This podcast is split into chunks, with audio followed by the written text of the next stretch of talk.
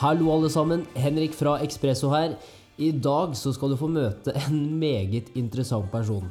Med en historie jeg er sikker på at kommer til å bli en Hollywood-film en gang i framtida. Du husker kanskje navnet hans fra den danske dokumentarserien Muldvarpen? Undercover i Nord-Korea? Jim Letrash. Han spilte milliardinvestor Mr. James, som sammen med Ulrik Larsen infiltrerer Korean Friendship Association gjennom ti år. Det hele ender med at de reiser til Nord-Korea, hvor de signerer en kontrakt med landet om å produsere narkotika og våpen i et annet land. Mr. James, eller Jim, møter nordkoreanske embetsmenn igjen i Uganda, hvor de diskuterer å kjøpe en øy i Viktoriasjøen for å bygge en underjordisk narkotika- og våpenfabrikk, under forkledning av å etablere et luksushotell. Hvis du ikke har sett den, så er dette en dokumentar jeg kan anbefale på det sterkeste. Etter en utfordrende oppvekst med både dysleksi, ADHD og etter hvert bli sendt av gårde på kostskole, slet Jim med å passe inn. Som 18-åring bestemte han seg for å bli fallskjermsoldat i Fremmedregionen, kjent for å bl.a. rekruttere kriminelle. Etter flere år i tjeneste vendte han snuten hjem til København, hvor han endelig fant mennesker lik han selv, og en jobb som han virkelig mestret. Som kokainpusher blant eliten i København. Fra tidlig 20-årene frem til fylte 39 år det er ganske lenge å være kriminell. Han ble etter hvert tatt og dømt til åtte års fengsel for grov narkokriminalitet. Og når han var i fengsel, så møtte han en fantastisk kvinne som endra livet hans. Nikoline, og sammen driver de nå flere vellykkede bedrifter i Danmark. Først og fremst er det helt rått å se hvordan Jim har gått igjennom en, en endring, og hvor han er i dag. I dag så prater vi om hvordan livets erfaringer har formet Jim, hvor fascinerende det er med merkeklær, og hvorfor folk egentlig kjøper det, reisen til Nord-Korea og de gangene de holdt på å bli oppdaget, hverdagen i fengsel, hverdagen etter fengsel, rutiner, det å prestere optimalt i hverdagen og mye, mye mer. Dette er et intervju på engelsk, og det blir det første av mange flere internasjonale intervju, hvor vi håper å komme i kontakt med fine folk som har gått gjennom en reise, som har levd litt, og som vi kan dele med dere som lytter. Så dette er episode 88 og Jim Lepresh.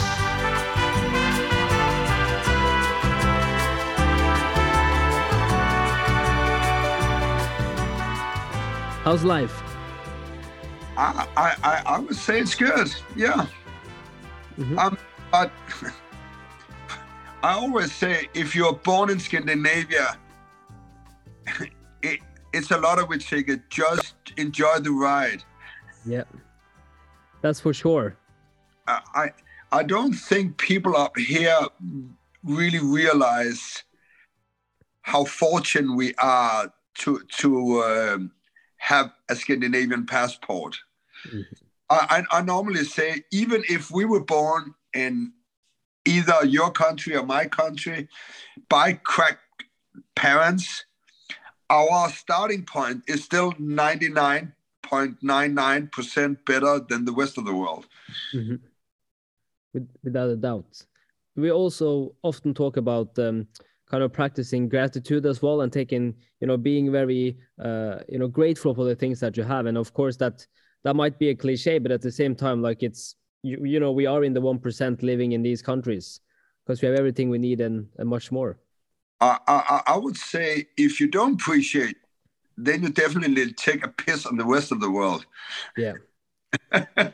good point. Very good point. Very good point. And you have also talking about kind of you know enjoy the ride. You have had quite the journey as well. Uh, and of course, we've been having these conversations for a long time, and I'm very happy that we finally can have this uh, this episode and interview together.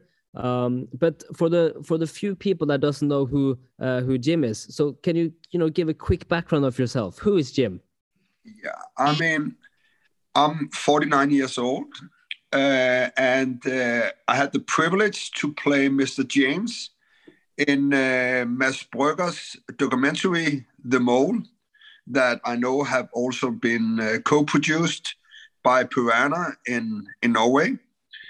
Uh, and uh, I was chosen by Mads to play this eccentric oil billionaire uh, because of my background. Um, when um, when I was 12 years old, I was sent to a discipline, disciplinary uh, uh, boarding school. Then I was at a, a foster home. Then I was with foster parents. Then um, I uh, joined the French Foreign Legion, where I was trained as a paratrooper. I was stationed in Djibouti in Africa. Uh, then I became a cocaine jet set pusher in Copenhagen. Uh, then I spent eight years in prison. And while I was in prison, I met this incredible woman who had faith in me, and she uh, she taught me because I'm dyslexic, I have ADHD. She taught me to read and write, and I took my entire high school diploma from my high school cell and got an average grade point average that was so high that I was accepted to one of the most difficult educations in Denmark, uh, psychology at Copenhagen University. And uh, when I was released from prison, um, there was uh, a Danish uh, national radio. They wanted to make a story about my life. And uh, then my wife and I, we won for for the best uh, the the the way there was a radio award show in 2015 called uh, Radio Prix, where we won for best feature of the year, and the radio show was called 1.6 Key of Cocaine. Um, and at that show, I met Mads Brügger, and that was how we start talking. That was uh, the 18th of September in 2015. Mm-hmm all I can say is I, as I mentioned before we went live here, that I really look forward to the movie. Yeah. I know that you now have a book that has been published, and uh, congratulations on the book as well. How does it feel to have your book out? I mean, I would say writing a book about yourself is more intimidating than getting drunk in a basement in North Korea. yeah, I can imagine. No, I mean, I've always been kind of private. Uh, so, like putting your putting your life out in the open like that. I mean, that's one thing, but also you also open that people, I mean, feel they should have an opinion about mm. your book. And it, I mean, it would it would be different if you say, write me a fiction about uh, the underground world because if people said, ah, it need a little bit of this and this, I could handle that because I'm not a writer, I'm not a storyteller like that. So, but this is your life. So if people say, oh, that sucks, it's yeah. just like, fuck it, give me 49 years more that I can try to make it better. So yeah. it's quite sensitive. Uh, but luckily, it, it has been uh, well presented. It's a bestseller and, and uh, it's on uh, mostly on, on top 10 in most um, uh, audio uh, audio books uh, apps in Denmark. Yep. They have, funny enough, been sold to Poland already. Um, and, and we're working on other countries as well because the documentary is the most sold documentary in Danish uh, national radio's uh, uh, history. Mm. I think it has been out in more than 30 countries already. Yeah. That's huge. And and also like for the ones that haven't seen the mole uh, in English, like it's it's a really fascinating story. And we will of course I, I have I have hundreds of questions just on that journey. But but if we just go kind of back to your your upbringing as well, you mentioned that you know even though you have crap parents in in these types of countries, you still are very privileged, right? But we also know that there's a lot of lot of children that you know falls out of the society as well that are you know they don't feel like they fit in in like the the square box that everyone tries to put them in uh, as well so kind of how would you describe your upbringing what what were some of the things that you felt going through uh, your earlier years i mean what, what we talked about before is that even if you're born in a country with lots of opportunity uh, they are only there if you understand they're there. Uh, because if that's not a, a, part of your culture, you don't understand that this is actually something for you as well. Um, so uh, it, it, the, the, the, the whole thing is is is where you get placed in a young age in, in the school system. And if I mean, I'm normally telling when I'm doing lectures that I'm base I basically sucks at most things, and it, it, it's really not a joke. I mean, anything where you bring in a ball, I suck. I suck so badly that when I was in the French Foreign Legion, I was not allowed to throw hand grenade. That's how bad I suck. and so, so you can see that I have a big size, but if you in, in class are a disturbing element, and at the same time, when you come out in play yard, sucks at everything other kids do. You know, like you know, like throw a rock over the water and it go like yep. shit. That forget about it. I can still not do it. I'm totally retarded in my motoric in any fucking kind of yeah, that's my curse. So, yeah. so, and and I think much of what you become in the older age is created when you are in school. So, if you're in an early age, think, have le- le- uh, low confidence, then it's quite easy to go into a wrong path. And and if you get told all the time that you're not good enough, I mean, for me, quite, was quite simple. When I came home from the French Foreign Legion, uh, the the criminal environment was quite appealing to me because all the people there was basically people like me. Mm. Uh, and suddenly I could be in an environment where I was not judged. Uh, uh people had also ADHD. Mm. And um, so normally you start to behave like the people you are amongst.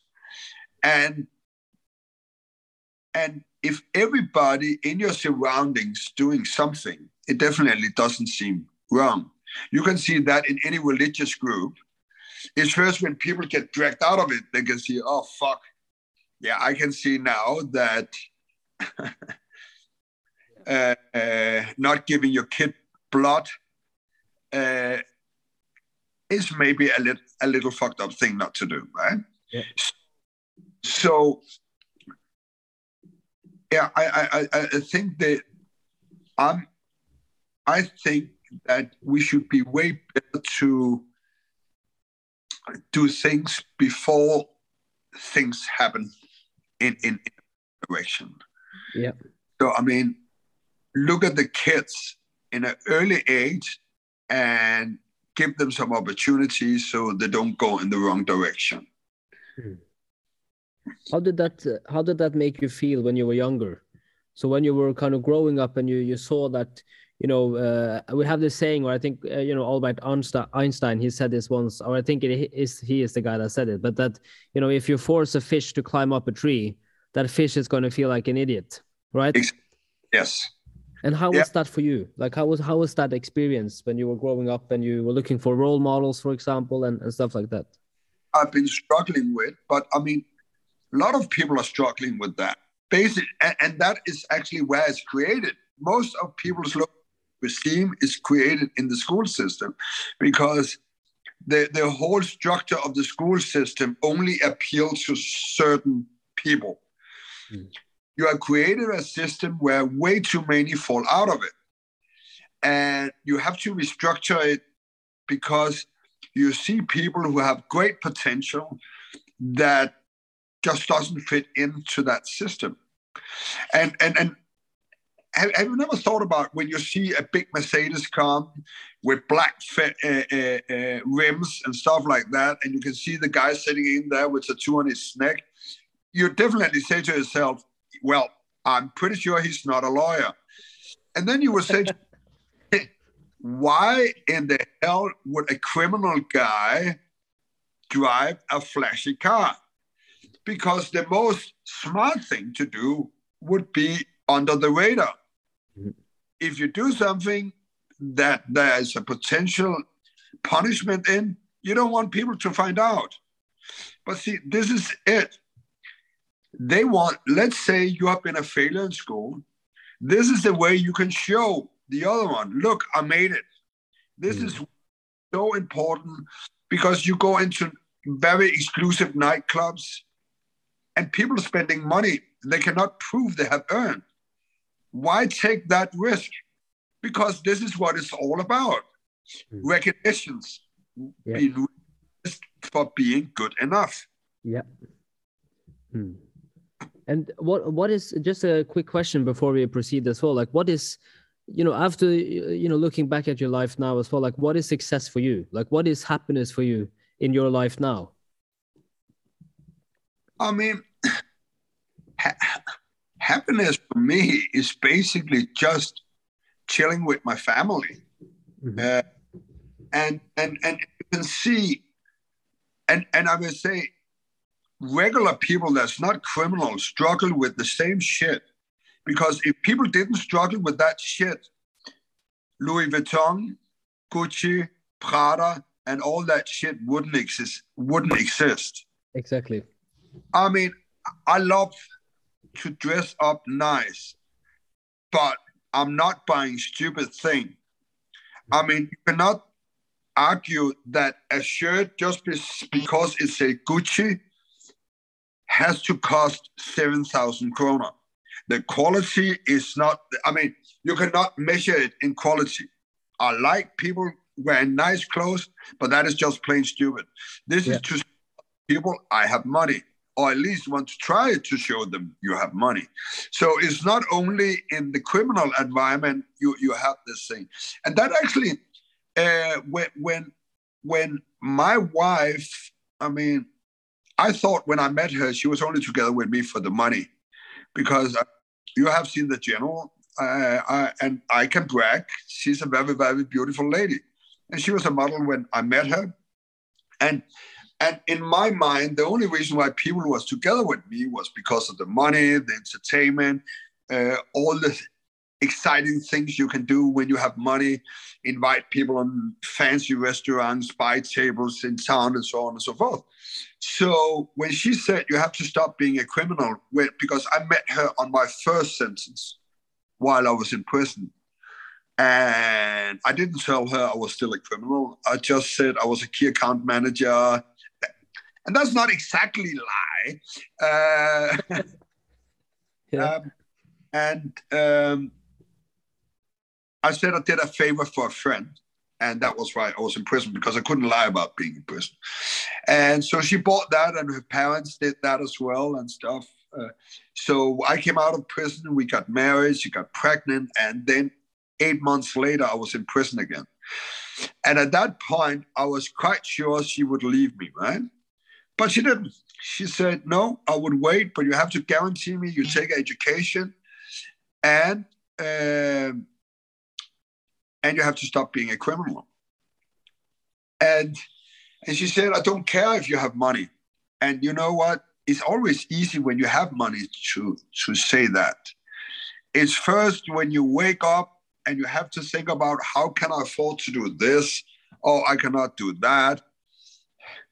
I have to eat shitty food, all that thing. Then you realize that, huh, it's not as easy as you think.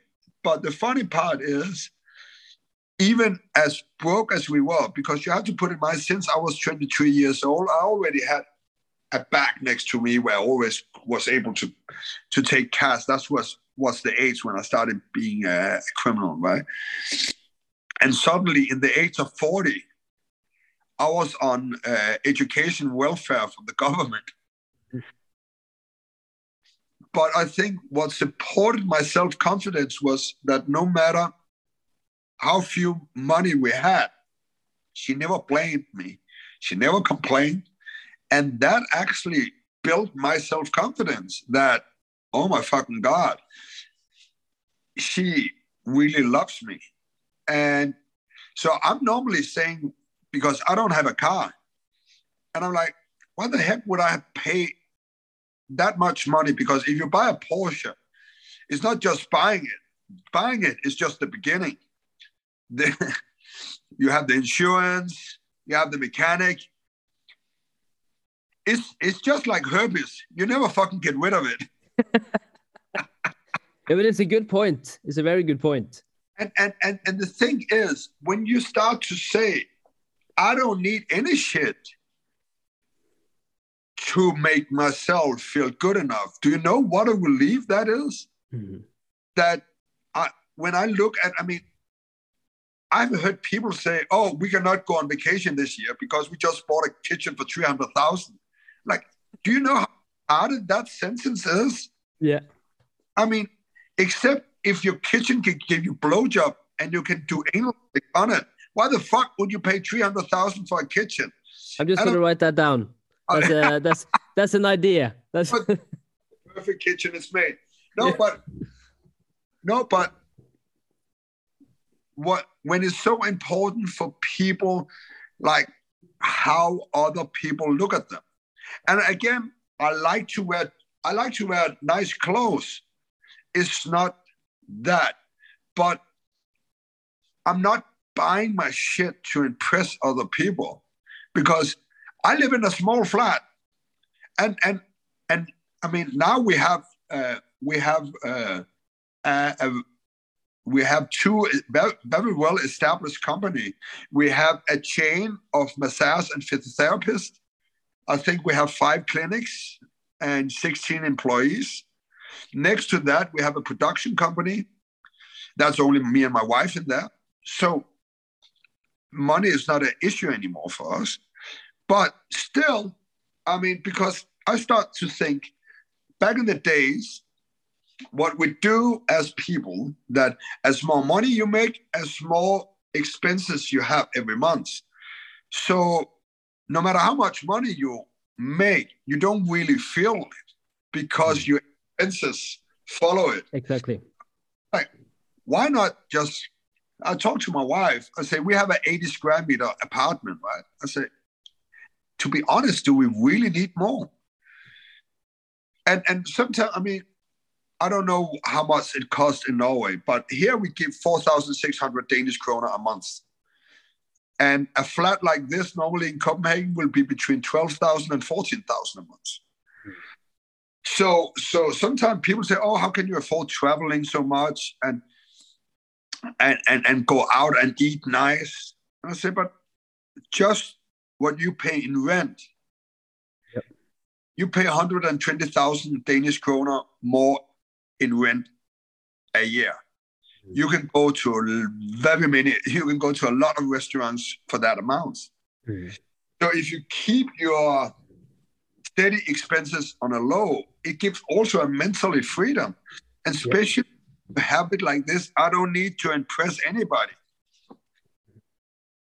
that really resonates. That really resonates. And i think i've been thinking a lot about this as well. Like once i grow you know i i i, I grow older i become older uh, and you you know you start to get established in the, in the job and you start to make more money i've just realized exactly what you said there that like the more money you make you also indirectly start to make or you kind of use more money uh, and if you're not really aware of how you're spending your money what really you know drives your happiness and where do you get the most value out of the the resources that you give? And that could be like, like your energy that could be money. But i totally agree with you that that's something that if more people could understand that you don't really need a lot of materialistic things to truly be happy but that's more on you know uh, for example traveling is very important and i think it's great to discover new areas or discover new food opportunities.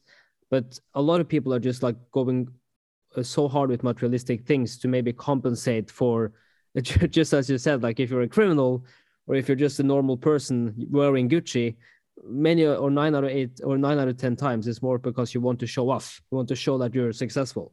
Yeah, and uh, and and and then you. I mean, I'm an atheist, but the Buddhists have a very good point. I mean, I'm not I'm not sure about the seven things because I'm I'm way over the seven things, but but they have a point. A small thing you owe as more the things become, uh, I mean, starting owing you. And if you, I mean, all this thinking was because I had to find out, find a way while I was in prison to out criminalize myself. And you, you have to find out, it's like a long process. You have to find out why the heck did I become a criminal? Mm. And what would it take not to become a criminal? And uh, and and and I always fall back on this whole money thing that was the key element was that freedom that power that respect and everything came down to that people should think you are a cool guy and then i started to think about okay i, I had a, a, a bmw x5 and i was like when was i most happy about that car and that was when i thought i wanted it because from the day i bought it it was downhill yeah. insurance every kind of fucking shit. And the funny part is that it just become a car, but we can make it way more simple so people understand it. Think about you walking down the street, you see a pair of sneakers. They're the most incredible sneakers you have ever seen. When you look at them, you can imagine all the girls you will get, how people will respect you while you're wearing them. You yeah. you know you have tried it. I have tried yes. it. Funny part is two months later, when they are in your closet and you have been nice to them, so they look exactly, exactly as in the window. There's just one but. You cannot recall the feeling you had when you saw them in the window. Suddenly, they're just shoes. Yep. exactly i'm laughing because this is this is the same thing what i've started to do now is that if i found if, if i find something that i'm really for example a pair of shoes or if there's a if there's a jacket whatever it is i say to myself that okay give it three weeks and if you're still very passionate about this then go have another look but then never buy it immediately because then you're just like oh this was great and then you buy them it's just an impulse. Yeah yeah. Yeah. Uh, that, same when, when you go and buy grocery don't do that when you're hungry. Oh. And i know i know that you're just a big fan of food uh, just as i am. So how how does a, a typical day for you look like? What uh, because you like to eat. I like to eat, and and my what first struggle is that I become 50 very soon, and so your whole biology clock, you have to struggle with that because when if if I was 25, I didn't have to give a shit because I would burn it off. That's not happening. And the problem is, if you go to a very good restaurant, everything that tastes good is not healthy for you. Exactly. So I'm struggling with not going that much to restaurants and uh, making more food myself. It's not because I should 100% stop it because I I love the experience, but you know, just those you know those visit you have because you're too lazy to cook yourself. Exactly. Exactly. And, and uh, the problem is when you are in Copenhagen it's quite easy, and especially now where you have Wolt and Just Eat, it's it's quite Dangerous. easy to not have to make food yourself. Yeah. So, so that is definitely, and and and and we talked about it at home that that we have made a rule as much as possible. Don't buy food from places where you can buy, build, uh, make the food better yourself. Mm-hmm then just stop being a lazy cunt and make it. yeah, but it's it's so true. Like, do you think that uh, uh, as more kind of you have services where you can actually just you know order food that people will become more and more lazy i've just seen that through the pandemic as well like i can see like Wolt cars or uber eats i can see that at every single uh, quarter where i'm looking now you can see those doors just opening up for the, for uh, the home delivery so maybe people will be more lazy going forward people are more lazy. I mean, there, there, there are no. I mean, I, I try to uh, I try to work with intermittent fasting. So, as the best for me is to start eating my first meal at twelve. If if I can do that, that's that's the best. But I eat a lot. Yeah. Yep. So fasting, how has that been for you? What what um, type of emotions do you go through when you're fasting? Do you do you get that hunger for food, or is it is it easy for you to skip breakfast? Uh, it's easier for me to skip the morning meals than it is to skip the evening meals. Mm -hmm. And and especially when you become more than forty. You, you remember when you were a kid, you were always, how the heck come grandma always have candy and cookies and shit like that? It's something that come with age. I've never been, but when I go by a cake, cake house, it's like yeah, yeah, yeah. And and it's it's just like okay, you don't have to go in there. And the worst thing, I'm like lactose intolerant. So and I like ice cream. I like oh whip, like ice oh cream. And and the problem is not only is it not healthy for me, but all the energy my body needs to build up muscle. Mm-hmm. If that ice cream, all the energy try to break down because it takes so much more energy for my body to break those things down. So yeah. Yep. that that's that's my kryptonite. Yeah. But it's good that you know that it is it's your kryptonite. Most people can't uh, can't handle themselves, and I think the best uh, the best way to get away from it is just not to buy uh, buy uh, sugar. That's that's the best thing. Just not have it at home because I if I have some candy at home, it will you know take two minutes and it's gone because I have no discipline when it comes to that area. Yeah, and, and I, I also think to be the best version of yourself is not only to look at your strengths, is to look at your weaknesses. Mm. Because you know your weaknesses and you can admit it. You can admit, admit your weaknesses, then it's way easier for you to navigate in the world. Yeah, exactly. And and, and think a lot of people are so afraid of other people finding out what their weaknesses is. But I actually think if you tell people what your weaknesses is and are not afraid of it, that will actually become a strength in itself and, and go to your benefit because you can say, I already told you, I'm not good at it. Yep. Totally agree. And talking about uh, talking about weaknesses, I know that you were uh, very scared of heights when you were younger. So why did you choose to to join the the Foreign Legion? What what what made you to drive that decision and become a paratrooper if you were scared of heights? Yeah, it, was not only heights. I, I, I, I, I have brothers and sisters, but that is from my father's side. Uh, I, I, grew up basically like uh, an only child. Uh, and my mom and dad was divorced when I was seven, so I had like this overprotective mom, and it was like every time there was something I didn't want to do, is like I started riding horse, it kicked me off, and like, man, I don't want to go back. Okay, you don't have to go back. I started football, I suck at it. Oh, okay, and so I my in my DNA was like this quitting kind of things. And uh, since I didn't grow up with my dad, um, and since my mom had made me afraid, I was afraid of the big boys beating me up, shit like that. Huh? So I was like, okay, this could be a very good moment to just take everything in one uh, uh, setting. Struggle with all your fears. Uh, and and the only one I didn't want was, I, I mean, I'm not afraid of heights. What I'm afraid of is jump from heights.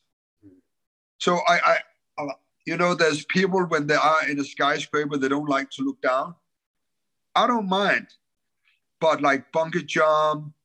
I mean, if if if you have to jump from something that's higher than three meter, I think it's very uncomfortable. Yep.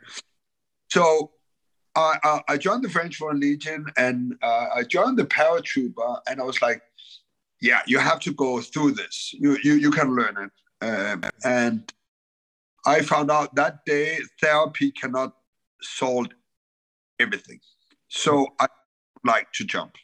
Mm-hmm. And how was the application process of joining the Foreign Legion? Like, how does that how does that process look like from the day that you are okay, and now I'm going to this location where I'm going to apply for this. So how does that look like? I mean, so what I'm telling about now is what happened in 91.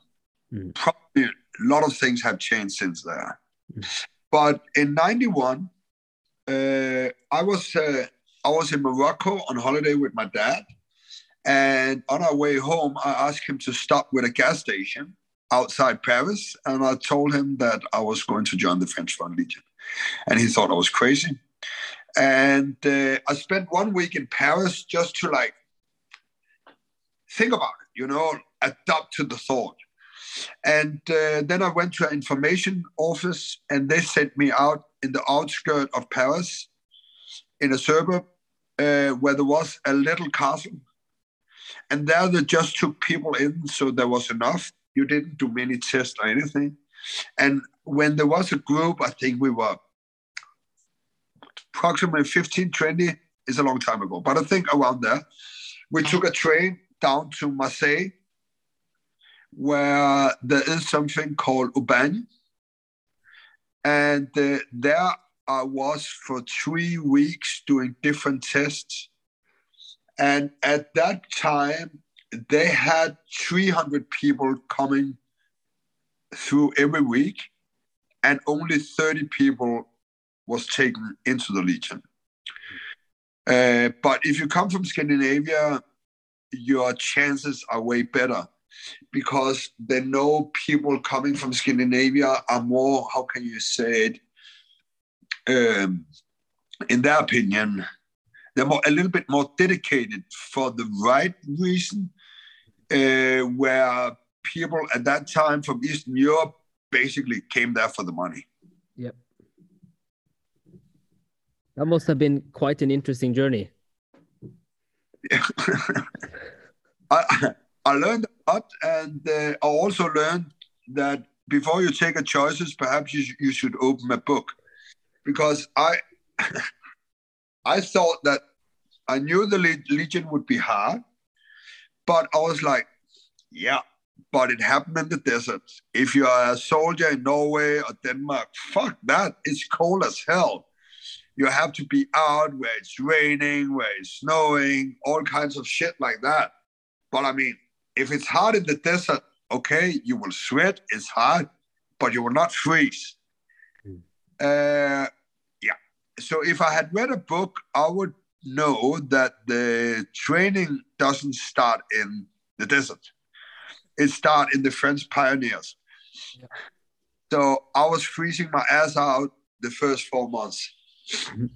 And how? And what do you learn? Because I also I was in the Norwegian army, uh, and I know that for me, like this was the this was the period that I went from you know just being a boy and like becoming a man. You know, you learned self discipline and you kind of having more faith in yourself, and you were more secure in yourself because you've been exposed to different challenges. So, what were some of the biggest takeaways that you take away from from those years? Is not to give up. Is is be able to even if it hurts physically, uh, help on your stress level um, um, yeah, I think I think that's. Uh, I mean, been better to push yourself. I, I, I would definitely say that's uh, that's one of the things. Some of the things I, I I've been able to to see I could adopt and, and use in, in other ways. And and and I think I mean if if we go back to the start, what we were talking about, that people in Sweden, Denmark, Norway should just be pleased because when they're born, all the they can set an X in all of the things in the Maslow pyramid. Uh, um, I would say it's important for people to understand how they is. I was, I, I would say before you can go to university, it should be obligated to go to India, work in a factory, or go in Africa, in, in one of the poor places, just in the third world country, to experience poverty and experience in somewhere in the world, no matter how good you are in school, no matter what, it doesn't change. Your life will be shit. You are born into have a shit life. And no liberal way can save your ass your life is like that. It's determined from your born to, to your death. And I think because sometimes when I hear uh, young people how they look at life, it's just like, shit, you don't know half of it. I mean, try to go out in the world and stop bitching about things that doesn't make any sense. Hmm. So I, am trying as much as I can to travel with my kids. I mean, my, my oldest right now is in, in the States playing American football, and we try to take our kids to places that is not, you know, regular vacation spots. Mm-hmm. So we can put some culture input in them, and they can also have like this feeling. It's like, wow, my clean water is just yep. two meter from where I sleep. Mm-hmm. It's so important. I think so many people are not, especially uh, you know, again, like growing up in such a privileged country or, or countries like Denmark and Norway as well. I don't think, I don't think many people actually think about how lucky they are, but then also, you know, thinking outside the bubble, like you know, going to those places where they don't have the, the same level of privileges and the safety nets that we have in these countries.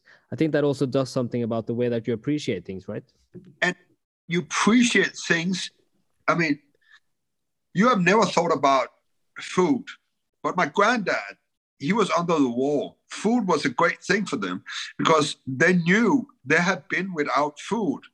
Mm. And the thing is, every time the economy grows, your zero point goes a little bit up. And this is why you cannot expect kids. I mean, I have very wealthy people that cannot understand that the kids are not more, how can you say, appreciated of what they get. I say, but why should they appreciate it? This is where you started them. Mm-hmm. I mean, you look at what you had before, but they don't know shit about it and they don't understand it because they haven't lived it. Mm. So you want to give them all the things you didn't.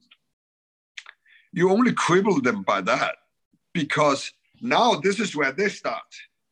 And if your parents are very, very wealthy, the odds for the rest of your life will be downhill. Yeah. So, so the, the, the way we see it as giving them things we didn't have, I think we should think twice is that we're not doing them any favors. Yeah, I, I totally agree. I think it's it's it's more important than ever before to actually, you know, expose your children to the challenges of life as well, and not, you know, not save them every single time they have some challenges, but maybe at the same time. And I don't have children, so I might be wrong, but but at the same time also show them that you're there for them if something were to happen as well, right?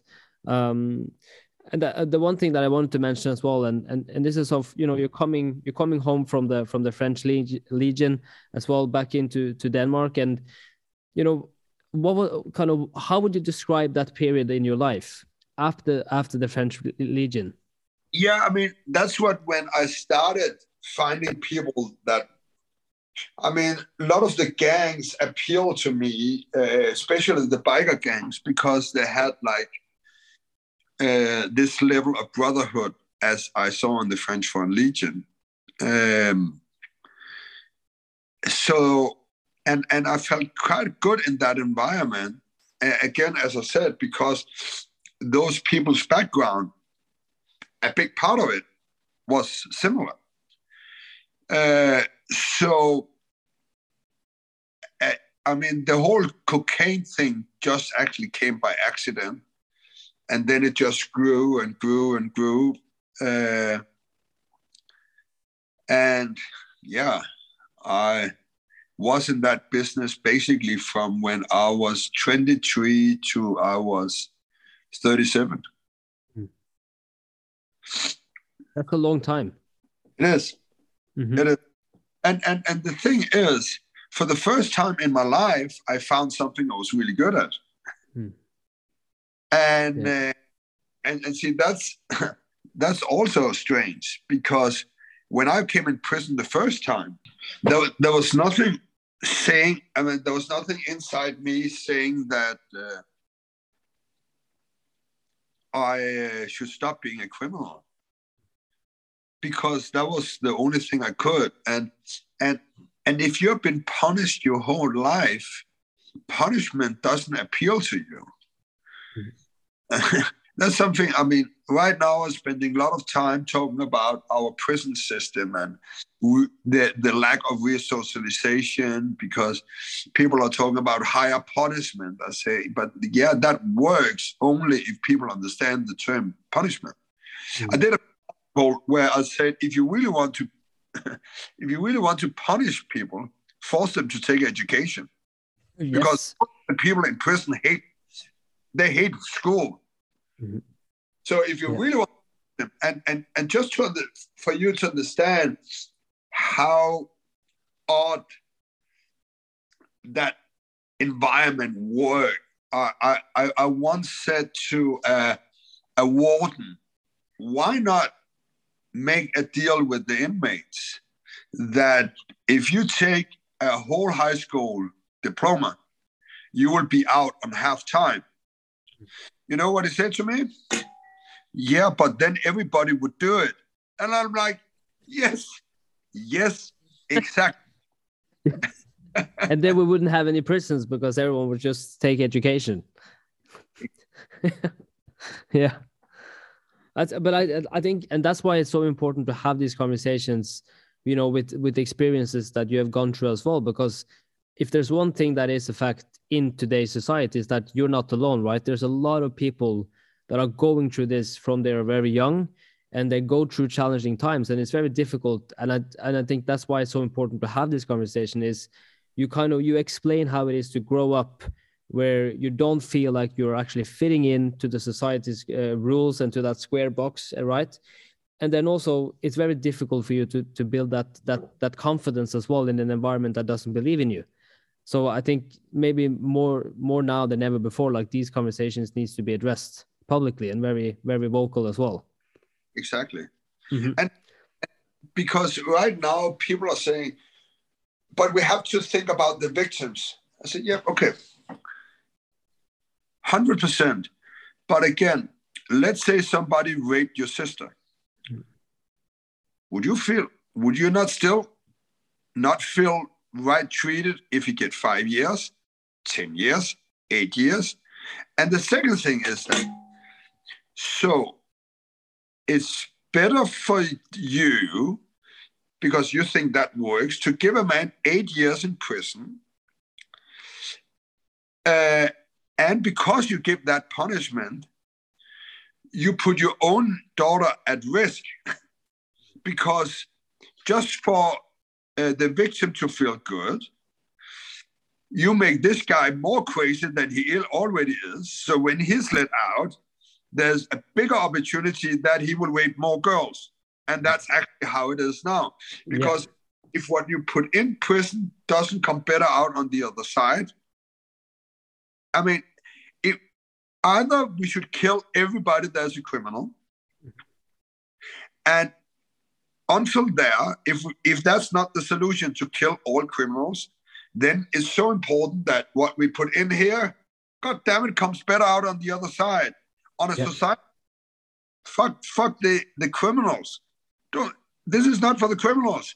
This is for your mom and dad, my mom and dad, our kid, the whole society structure is in Okay. all that what we put in one side come better out in the other. If people don't understand that, then people are really stupid. Yeah. And it's for the society's best as well to actually educate the ones that are going to prison, help them get out in society in a better version, right? Yeah, but also find out what kind of people, because there's also people that should not come out.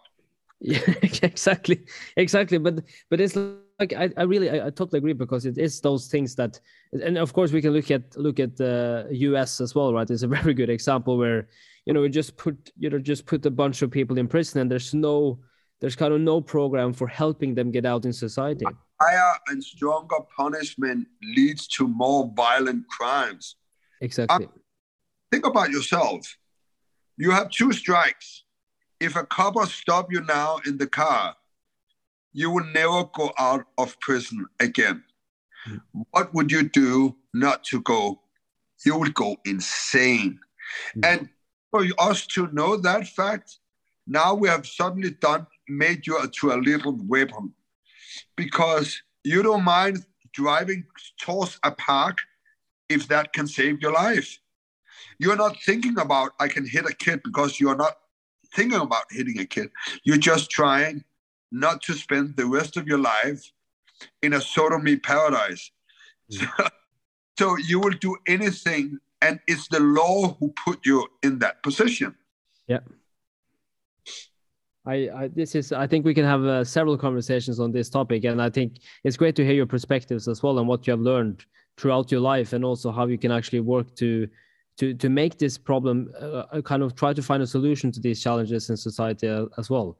But one thing that I wanted to to ask and I wanted to learn more about, and is of course the mole, like undercover in in, uh, in North Korea, and so you mentioned it at the start here, right? Like you when you joined uh, that documentary when you joined that project with Mads Brügger uh, and Ulrich uh, Ulrich Larsen as well, and you you came to Oslo for the first time. Like uh, when you had those conversations with with Mads, what was some of the like? How did he pitch this story to you? Like when you met him the first time. Funny enough, it was a quite short conversation. I mean, he first started. I mean, we had already been talking. I had been at his office, but we didn't talk about the film. So he calls me up one night and say, I'm working on a top secret project. And have you ever heard about something called Danish North Korean Friendship Association? Like, what? Uh, so you had to repeat it, and I'm like, you're taking the piss. I mean, in my mind, I couldn't understand that in our country, in anybody in their right mind could think that North Korea, in any form or shape, could be a great country. I mean, I couldn't really believe it. And he said, well, anyway, that is a fact. And I have this guy who have been undercover there, and they have he have been in North Korea as well, um, and he had a medal uh, for for honor, and he have rise quite a lot in in uh, that environment. And now they have started for the last three years. They have asked him if he can find an investor. They have not said what they want to invest in, but we think you should go and find out. And at that point, I was starting to get a bit tired of studying psychology, and I, I, I just thought it sounded hilarious. Yeah. So two days uh, earlier, I was flying with Norwegian to Oslo, and uh, the hotel we were filming in is just like next to the railroad station so they had had a presidential suite there, and uh, that's how it started. Yeah. And uh, before that, he had already given me um, um, some things about Alejandro Cao de Benós, but I was fuck it. If if I should be able to seem right I don't want to be biased in any way. So I say, fuck it. I didn't. I didn't take a look at it. Yeah. And and uh, and Mads he's great to work with because he just gives you some some bullet points of what you should do and say. And and Ulrich also he just let me do my things. So when we started having this meeting, and, and for the people who haven't seen it, we have this presidential suite where there's mocked up with hidden cameras. The Norwegian guys are really good at those hidden cameras all over. And uh, I'm starting to say to him that um, uh, I represent a family firm and uh, we invest in uh, oil, gas, weapons, pharmaceuticals. Is that when you took the pitch? Did you did you did you come up with that when you yeah. were in the suite. Yeah. I thought, okay, if if I, if I say pharmaceutical, perhaps you can mention some drugs. If if if if I I just wanted him to be able to come with everything that could be interesting. Mm-hmm. And but uh, when I came out of prison, I was working on an education program called Equal Learning, and I was traveling forth and back between London looking for investors. And one day I was sitting and having a lunch with this Swedish uh, guy who was working for a hedge fund. The guy is 25 years old. We're sitting, I've done my pitch, and then he looks at me and then he said, Jim, I will love your pitch. It's really interesting what you're doing, but I have to be honest with you. Said, yeah? Yeah. Our our minimum investment is 50 million euro. And I'm like, no, no, no. You mean your maximum? And he said, no, no, our minimum. And at that time, I was like, that's the most cool shit I've ever heard in my life. so I said to him, I mean, you have to explain this to me. And then he said, it's because that uh, we're only five people at the office, and we invest for two billion a year, and that means that the account would be too big. And that makes totally sense. But I was like, if I at one point in my life could be able to say shit like that, that would be hilarious. Yeah. So sit down with him. I'm coming up with I'm just handpicking that story and I say, so what you have to know is our minimum investment investment is 50 million euro. And then he just say five zero. And I say yes. And then he has to drink his water and and Ulrich as well. Like, how was? How do you did you have many conversations with him prior to this? Like, when did you meet him for the first time? In the airport. really? Yeah. How was the vibe? How was the connection? It, it, it was good because I mean, we both knew what we was going to do. Ulrich was going to make the introduction, and because you know, if you are in a in a lie it's a little difficult if you sit two people. So he did it very well. He had done the introduction. And uh, when we were in the airport, I, I, came up with a cover story. I said, if they ask, I knew from Mads that Ulrich used to be a chef. And uh, then I, uh, I said to him, listen, if they ask, you just tell that, of course, due to my lifestyle, I have a lot of um, dinner parties and stuff like that. So uh, I've hired you many times as a private chef. You know, I'm a social liberalist. I do a lot of investment, but I have a great hatred for USA. So next by the normally investment I do, I invest in anything that can hurt that country. Yeah that, that, that our main story if there should come any kind of questions on that. Yeah. But uh, it, it that we didn't have this like in front of them this friendship, and I think also from Mads's side is it was quite good that we didn't know each other that well because then it would seem, you know, exactly. more more real. That. I mean, if if I had working for you for parties, yeah, we would know we, we would know some anecdote, but we would not have like this, you know, friendship connection. Yep. And that's and if you look through the through the documentary as well, can if you see the storyline unfolds as well, it ends up with you, you know, basically being in a basement in in North Korea and having the time of your life, uh, having some karaoke party, and it looks like you were really enjoying it, and you were flying. and like, how how is that? Like when you sit in and i know that you've been of course you it's not the first time you've been exposed to to dangerous situations but like what goes through your head when you're actually on that plane to north korea no i, I mean when i was taking the plane from beijing because you cannot fly directly you go to beijing and then you i was just like just live it just live it because when you land there you don't have like there's not a second chance. So just believe the shit, act it. If you if you believe it, uh, and I already talked to Ulrich about that. If there's anything where you, you feel uncomfortable or anything, just wait till we're back in Beijing. Let's talk about it there. Because for me, no matter what, I will only look at it as a guy who likes that country. And it's not hard because they did anything in their power to impress me. Mm-hmm. So, to be honest, I had a very, very, very good time in North Korea. Yeah. food, there was amazing entertainment. And it's not in the film, but at one point, Kang, he comes to me because I told them my younger son had done taekwondo since he was four years old.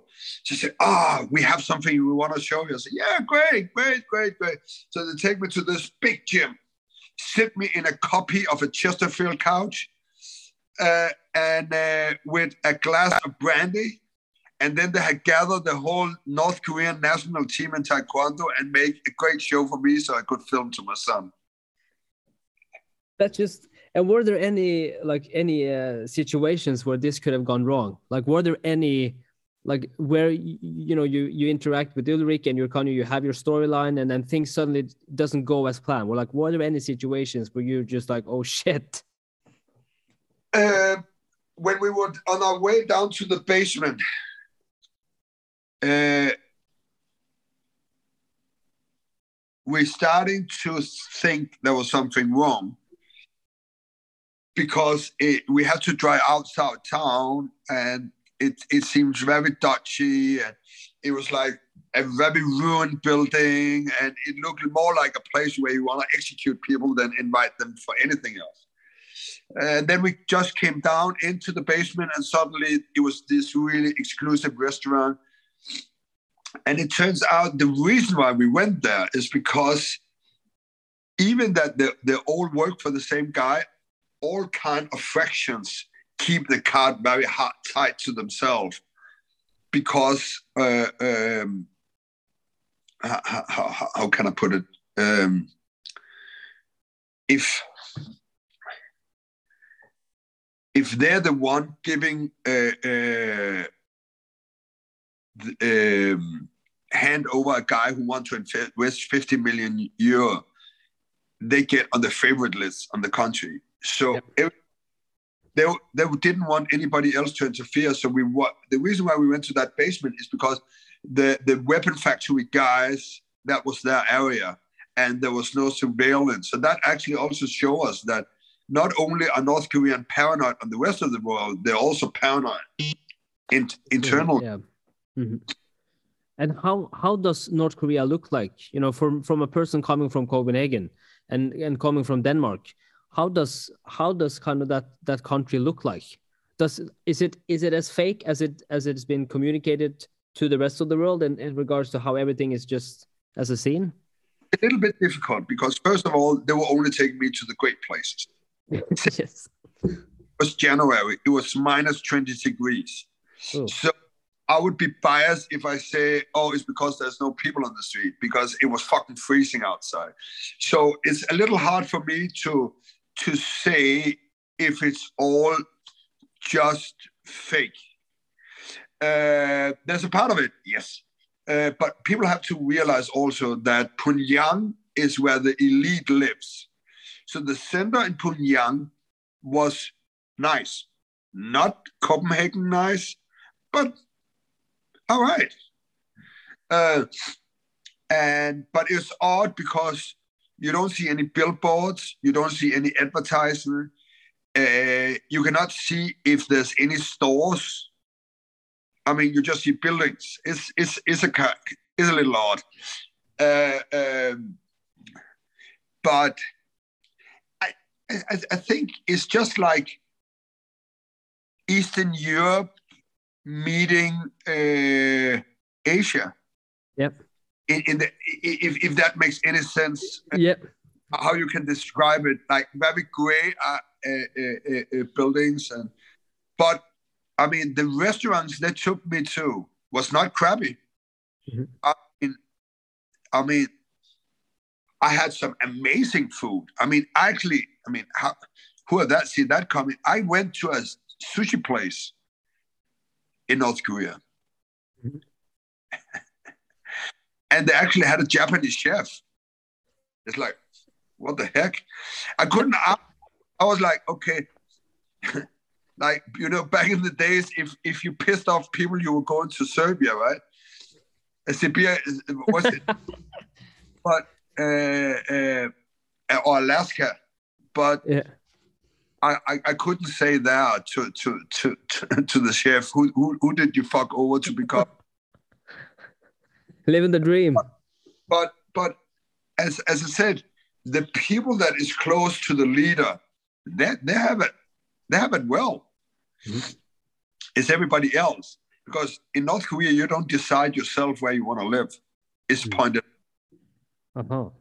So you can actually, if you if if you see if you if we can make the country as a circle, the center is the leader. Your position is as close you are to the leader. So I, I, I would say it's him, it's the family, it's the party, it's the military, so on and so forth. Mm-hmm. And and and then you go further, further, further out. Yep. And it's it's it's a very strange way it's controlled. But and and the thing is, I'm no way, shape, or form as a North Korean expert because, to be honest, I didn't spend much time not to be biased. Mm. Uh, so, uh, so I can only say what I saw down there was not the real North Korea, and Yeah. I was aware of that. Mhm. So what I saw and what I experienced, I was in the greatest water park. I mean, he has spent hundred million dollars on a water park, uh, and I was in the opera and, and and and shit like that. And of course, I knew that not far from there, the world looked different. But again, I just didn't spend time on that. Mhm. Yep. And then after, like the, I, I know that we are coming up to the up to the time here now, but um, kind of after the movie came out, like what has been the reactions from around the world? Like you mentioned that this has been sold over kind of 30 countries now, but how is how has the reactions been from across the globe, and and also how has have North Korea even kind of how have they reacted to the movie coming out? I mean, they haven't really reacted. I, and and what I'm saying now is my thoughts. I think that they just want to say that this is Western propaganda to talk down the country. Uh, and that's what they have said. They have said it's a lie, uh, and everything you can expect them to see say. Uh, then Cambodia have been out also saying that it's a lie because we were in Cambodia and they feel like we pissed in their territory. Mhm. And of course, uh, I think it's